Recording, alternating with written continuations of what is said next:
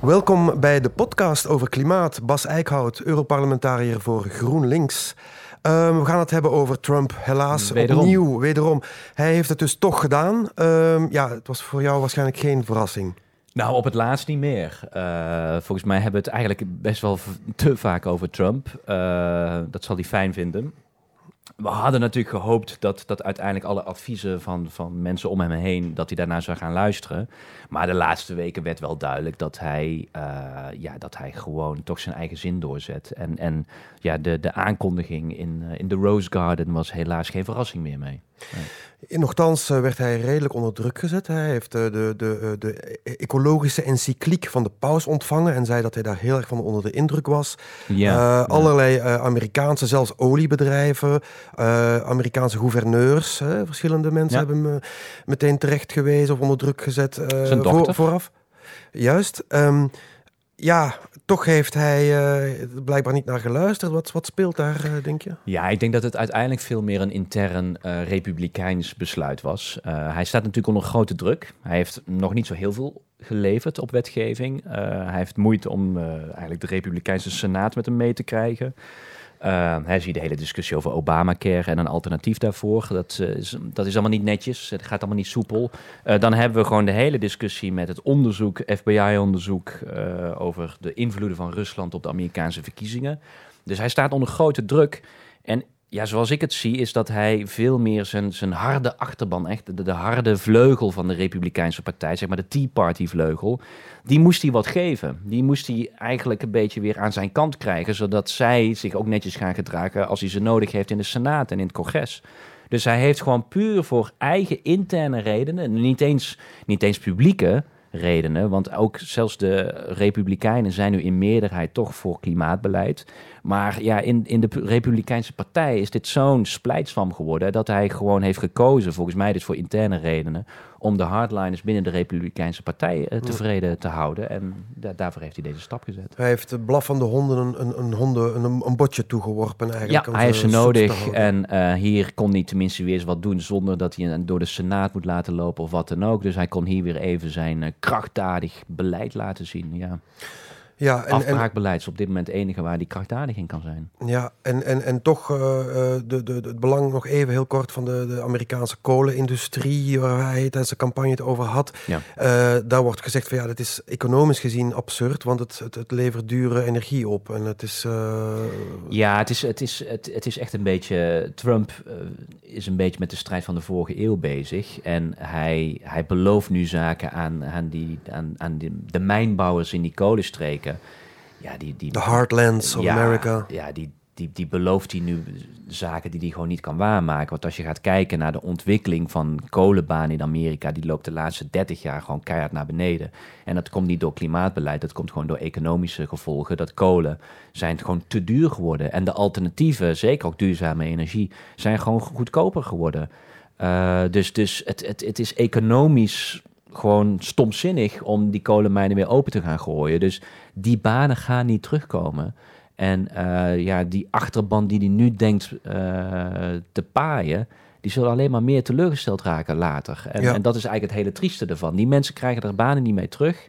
En uh, verder geeft hij eigenlijk een trap naar, naar daar waar nu de ontwikkeling in baan is. En dat is de duurzame energiesector. Die nu ook zegt van ja, wij gaan nu achterop lopen op de rest van de wereld. Het is, het is economisch dom.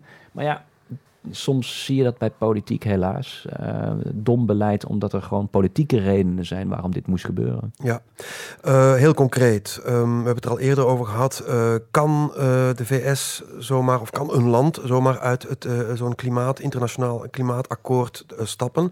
Uiteindelijk heeft president Obama zijn, zijn akkoord eraan gegeven. Dat betekent dus blijkbaar niks. Nou ja, kijk, de hele insteek van Parijs was natuurlijk dat het een, een, een bottom-up uh, aanpak moet zijn. Oftewel, landen moeten zichzelf committeren en moeten dus aan klimaatbeleid gaan werken. En eigenlijk het reviewproces en de peer pressure, de druk van buiten, moet ervoor zorgen dat landen meer gaan doen. Ja, een land kan zich daaruit trekken. Uh, dus, dus helaas dat kan. Maar goed, ja, de VN heeft gewoon geen macht over landen. Ehm, dus, dus, dus een land kan dit doen, maar er zitten natuurlijk wel een aantal voorwaarden aan gebonden. En eentje daarvan is nogal belangrijk, is dat de eerste drie jaar van de inwerkingtreding van het Parijsakkoord, nou het is formeel in werking getreden november 2016, dus dat betekent pas na, in november 2019 kan Trump echt uit Parijs stappen. En dan zal het VN-klimaatsecretariaat daar nog een jaar voor nemen. Daar mogen ze nog een jaar over nadenken, toetsen en dergelijke. Dus we hebben het eigenlijk de facto pas over november 2020, wanneer Amerika echt uit het Parijsakkoord zal zijn. En drie keer raden wanneer de volgende verkiezingen zijn voor de volgende Amerikaanse president. November 2020. Ja, exciting stuff. Ja. Uh, de kans is natuurlijk groot dat de heer Trump er voor die tijd al uh, met zijn koffers uh, op de stoep van het Witte Huis staat. Maar goed, dat is speculatie. Ja, dat zou ook kunnen gebeuren, ja. ja. ja. Um, tot nu toe, de, de, de vraag is natuurlijk nu, uh, um, wat gaat Europa doen? Hè? Je bent uh, Europees politicus uh, die heel hard met klimaatbeleid bezig is de eerste reacties waren hoopgevend. Frankrijk, Duitsland, Italië. Ja. Uh, ja. iedereen lijkt te zeggen van wij, wij gaan uh, door met, uh, met klimaatbeleid. we laten de moed niet zakken. wat, wat, wat denk je? Gaan, gaan, gaat Europa daar, daar inderdaad leveren? Of hoe, hoe zit dat met, met... Ja, nou, wat je zegt, de eerste reacties waren echt goed. Ik denk dat de eerste week na deze aankondiging van Trump... Europa eigenlijk alles heeft gedaan wat ze moesten doen. Uh, inderdaad, directe reactie van de grote drie. Hè, nu de Britten een beetje ook uh, met andere problemen bezig zijn. De grote drie zijn de Duitsland, Frankrijk, Italië. Meteen duidelijk maken, we gaan niet heronderhandelen. Parijs zal Parijs blijven en wij gaan versterkt implementeren. De Fransen hebben ook aangekondigd dat ze hun eigen doelstelling willen gaan verhogen. Dus dat Frankrijk meer wil gaan doen om Parijs te implementeren. Vervolgens was er meteen een EU-China-top. Dat was puur toeval. Die was natuurlijk al heel lang gepland, maar mhm. dat was meteen de vrijdag na de aankondiging. En het was heel goed dat meteen ook uh, eigenlijk in die top klimaat bovenaan de agenda kwam. Uh, de top ging verder niet heel soepel, omdat het handelsbeleid natuurlijk ook nog steeds een, een, een uh, groot probleem is tussen EU en China. Maar op zich op klimaatgebied stevige statements van zowel EU en China. En Modi, de premier van India, was net in Europa aan toeren. En zowel in Duitsland als in Frankrijk hebben zij gezamenlijke verklaringen gedaan dat India en Europa uh, Parijs blijven implementeren. Dus dat is eigenlijk alles wat je moest doen, hebben ze goed gedaan. Maar nu komt natuurlijk wel de vraag: oké, dit zijn de statements, dat is prachtig. Uh, goed is in politiek ook, belangrijk, maar nu wat gaan we doen? Nou ja, goed, je, je hebt, je hebt uh, commitments uh, gedaan als, als politiek uh, leider en vervolgens kun je daaraan gehouden worden door ja, en, en, publieke opinie enzovoort. Ja, en dat wordt nu wel belangrijk. Hè? De statements zijn goed geweest, maar nu moeten we gaan kijken van wat doet Europa nou zelf aan klimaatbeleid. Hoe ziet het eruit op dat ja, niveau? En dat is dus stukken minder. Ten eerste onze doelstelling die we als Europa hebben afgesproken. daar ligt op tafel de doelstelling dat wij naar een klim dat wij een, teruggaan van broeikasgassen van min 40% gaan in 2030. Nou, alle alle uh, wetenschappers zeggen dat is onvoldoende voor implementatie Parijs. Dus Europa zou eigenlijk meer moeten doen. Als Amerika nu zegt wij gaan voorlopig even niets doen, nou, de opgave om, om beneden 2 graden of anderhalve graad te blijven, wordt daarmee groter voor de partijen die in Parijs zitten. Dus Europa deed al te weinig. Dat wordt nog een sprangendere vraag. Ja, het gaat uiteindelijk niet om wie het uitstoot. Het gaat om de hoeveelheid uitstoot in de atmosfeer. En, de atmosfeer kijkt natuurlijk niet naar van waar een CO2-molecuul vandaan komt. Precies. Dus die, die telt gewoon de CO2-moleculen. Is dat, is dat die even, moeten naar beneden. Even afgezien van de vraag of het politiek, economisch, whatever, in Europa haalbaar is om, om nog meer te gaan doen. Maar is het, uh, is het überhaupt mogelijk? Als een, uh, de VS blijven de grootste uh, emitter, uitstoter van, van, van broeikasgassen. Is het, is het doenbaar? Dat, dat, dat, dat Europa, andere grote economische machten dit, dit, dit opvangen? Dit, uh... Nou, we kunnen, we kunnen Amerika niet in zijn geheel uh, zeg maar compenseren. Daarvoor uh, is Amerika een te grote speler, ook in de uitstoot van broeikasgassen. ik denk dat natuurlijk waar grote winst te boeken is, is het, het, het, niet laten groeien van de uitstoot in China en India en dat sneller naar beneden krijgen. Mm -hmm. daar, daar is heel veel winst te boeken. Europa zelf is daarin een kleinere speler. Um, dus dus um, ja, andere landen kunnen wel wat opvangen. Maar als je mij vraagt, anderhalve graad, gaan we dat nog halen?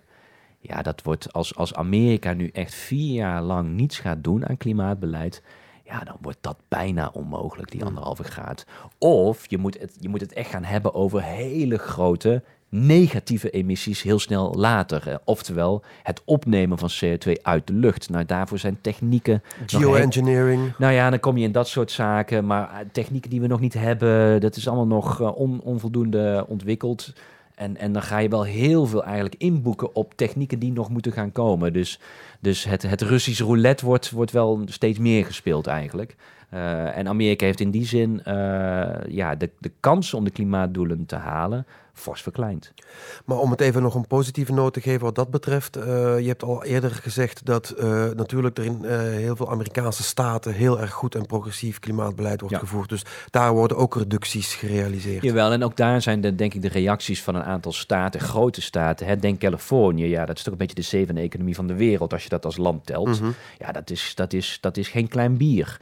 Plus, Californië spreekt dan normen af die uiteindelijk voor de producenten, ja, die gaan ze dan toepassen voor heel Amerika. Hè. Denk aan auto-industrie.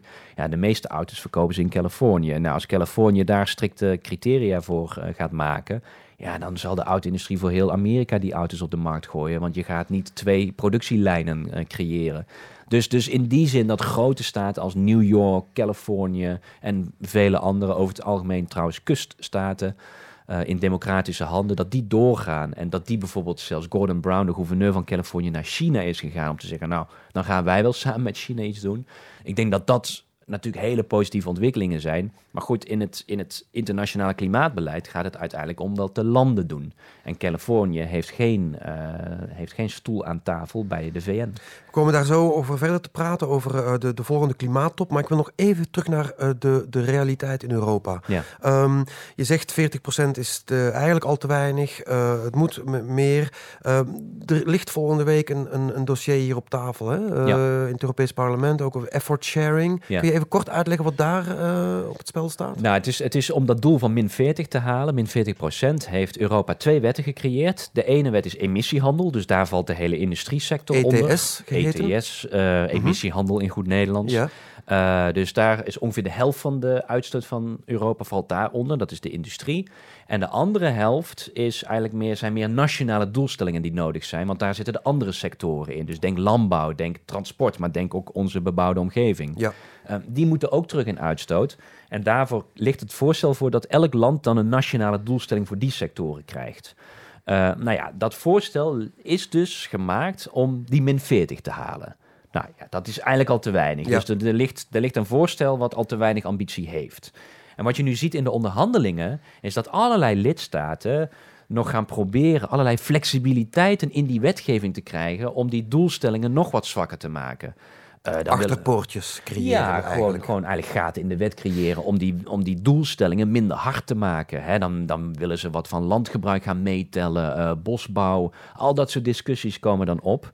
En dan zie je allerlei landen, zeg maar, ja, voor hun specifieke doelstelling proberen daar toch wat van af te snoepen. Om toch weer iets minder te doen. Zodat je straks op papier misschien min 40% haalt als Europa. Maar in de werkelijkheid minder.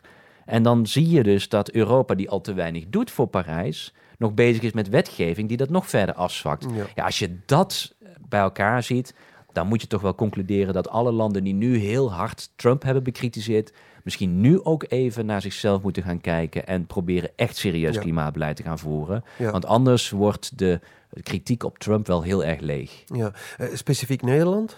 Nederland, eh, Nederland is niet de slechtste partij in, eh, in, in Europa. Uh, maar Nederland wil bijvoorbeeld wel heel graag wat flexibiliteit door uh, zeg maar iets meer misschien te doen in de ene uh, sector. Dat is dan emissiehandel. En wat ze dan extra willen, dat willen ze dan graag als flexibiliteit kunnen afboeken van hun nationale doelstelling. Ja, ik snap wel, daar zit een economische reden achter. Maar ja, uiteindelijk moeten die beide sectoren gewoon keihard naar beneden. Dus Nederland mag ook wel een tandje erbij. Maar is niet de slechtste in Europa. Nou, vooruit dan. Ja, middenmoot, middenmoot. Terug naar het, uh, het, het, het, internationale klimaatbeleid, uh, om, om af te sluiten. Um, ja, de, de klimaatonderhandelingen, de, de, de, de, de accounting of de, de Ja. boekhouding, en klimaatboekhouding, die moet eigenlijk afgesproken worden en dat, dat soort van zaken. Hoe gaat de, de beslissing van Trump dat, dat hele proces nu Ja, het klinkt niet spannend, maar natuurlijk op het moment als jij zegt wij, wij willen bepaalde doelstellingen gaan halen, dan wordt het wel heel belangrijk hoe tellen we dat? Uh, in hoeverre mag je bomen daarin meerekenen? Uh, gaat extra bomen planten, hoe gaan we dat tellen? hoe zorg je ervoor dat dat ook blijvend dan die bomen blijven? Nou al dat soort vraagstukken, dat zijn hele technische onderhandelingen. die liggen nu voor in de volgende klimaattop en die is in Bonn. Maar dan wordt natuurlijk de grote vraag, wat gaat Amerika doen? Want formeel, hè, hadden we het net over, formeel zitten ze nog in het Parijsakkoord. Dus formeel kan Trump nog een delegatie sturen naar Bonn en zeggen, ja, ik ben nog steeds onderdeel, dus ik stuur een delegatie. Nou ja, als hij dat doet, dan gaat die delegatie het proces proberen te frustreren. Ehm, ik heb dus liever dat Amerika thuis blijft. Uh, op dit moment. Maar ja, ze, ze, ze hebben nog recht uh, op een plekje aan die tafel. En uh, ja, je gaat natuurlijk ook wel een discussie zien van andere landen. De eerste reacties waren allemaal goed, maar als het straks over echte afspraken gaat, ja, zul je toch ook wat landen zullen zien van ja, nou ja, moeten we dat wel doen? Want als Amerika niet meedoet, uh, je zult partijen zien, zien toch gaan schuiven, ook in die onderhandelingen. En in die zin wordt november, dan is die volgende klimaattop in Bonn, wordt wel een heel belangrijk moment om dan te gaan meten dat al die landen die hebben geroepen we blijven klimaatbeleid doen, of ze dat dan ook echt bereid zijn af te spreken als het er echt om gaat. En dan moet moet ik denken aan olieproducerende landen, Rusland, uh, het Midden-Oosten? Ja, dat zijn wel de landen waar je moet denken. En in die zin is misschien nog interessant dat begin juli, de eerste week van juli, is er een G20 in Hamburg. En daar zitten natuurlijk de 20 grootste economieën van deze wereld komen dan bij elkaar. Dan zal het ongetwijfeld over klimaat gaan. Uh, en we zagen dat al een heel heftig thema zijn bij de laatste G7, waarin Trump eigenlijk alleen kwam te staan. Hè. Je was, was gewoon 1 tegen 6. Ja, wat gaat met de G20 gebeuren? Want dan komen aan tafel China, India, die lijken dus te zeggen wij kiezen de kant van die zes. Maar wat gaat Turkije doen? Wat gaat Saudi-Arabië doen? Wat gaat Rusland doen? Ja, dat wordt interessant. Wordt het straks daar bij de G20 dat Trump nog steeds geïsoleerd staat? Of krijgt hij straks toch hulp ineens van bijvoorbeeld Rusland? Ik weet niet of hem dat dan weer thuis helpt, want dan heb je ineens weer de Rusland-VS-alliantie. maar die zou zomaar bij de G20 ook gevormd kunnen worden. Dus die G20 begin juli wordt eigenlijk het eerste meetpunt om te gaan kijken van, ja, gaat meten van mm. wat gaat er nu gebeuren nadat mm. Trump dit besloten heeft. Dus dat is al begin juli. Een misschien iets frivole, frivolere vraag om af te sluiten. Uh, we begonnen het gesprek met te zeggen van, ja, we spreken misschien iets te vaak over Trump.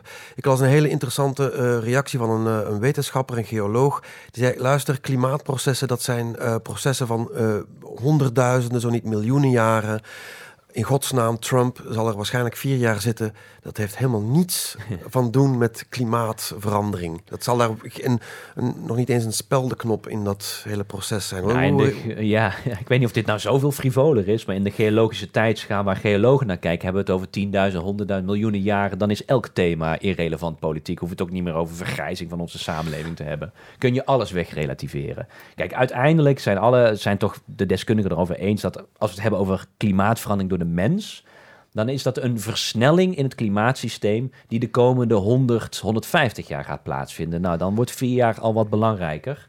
En als je dan gaat kijken naar van hoe ver we al zijn met het klimaatsysteem, eigenlijk naar grenzen duwen die we nog niet gekend hebben terwijl, toen de mens op aarde was. Natuurlijk hebben we dat wel eerder gehad, maar toen was er geen mens op aarde. Nu hebben we mensen op aarde. Dus ja, die zeespiegelstijgen die we wel eens een keer gehad hebben, ja, die heb je liever nu niet, omdat we nogal wat steden aan de kust hebben gebouwd. Ja, als je dan gaat kijken hoeveel we al hebben opgebruikt, dan, dan zeggen de wetenschappers, nou, dan heb je nog 10 jaar, 15 jaar. Ja, dan worden die vier jaar ineens nog belangrijker. Dus, dus je kan alles wegrelativeren, maar deze vier jaar zijn toch wel hele cruciale jaren. Willen wij ernstige klimaatverandering voorkomen? Ja. De geoloog overigens reageerde op de slogan There is no planet B. En hij zei eigenlijk gaat het hier niet zozeer om de planeet te redden, want die redt zichzelf wel. Het gaat om de mensheid dat te redden. Dat klopt. Uiteindelijk, de planeet is er altijd wel. De grote vraag is met wie erop. Oké, dat is een eh, heel spannende cliffhanger, zou ik zeggen. Tot de ja, ik weet niet of dat precies past in jouw frivoliteit. Nee, het is niet echt frivol. Nou ja, goed. Dat doen we de volgende keer dan. Bedankt voor dit gesprek. Graag gedaan.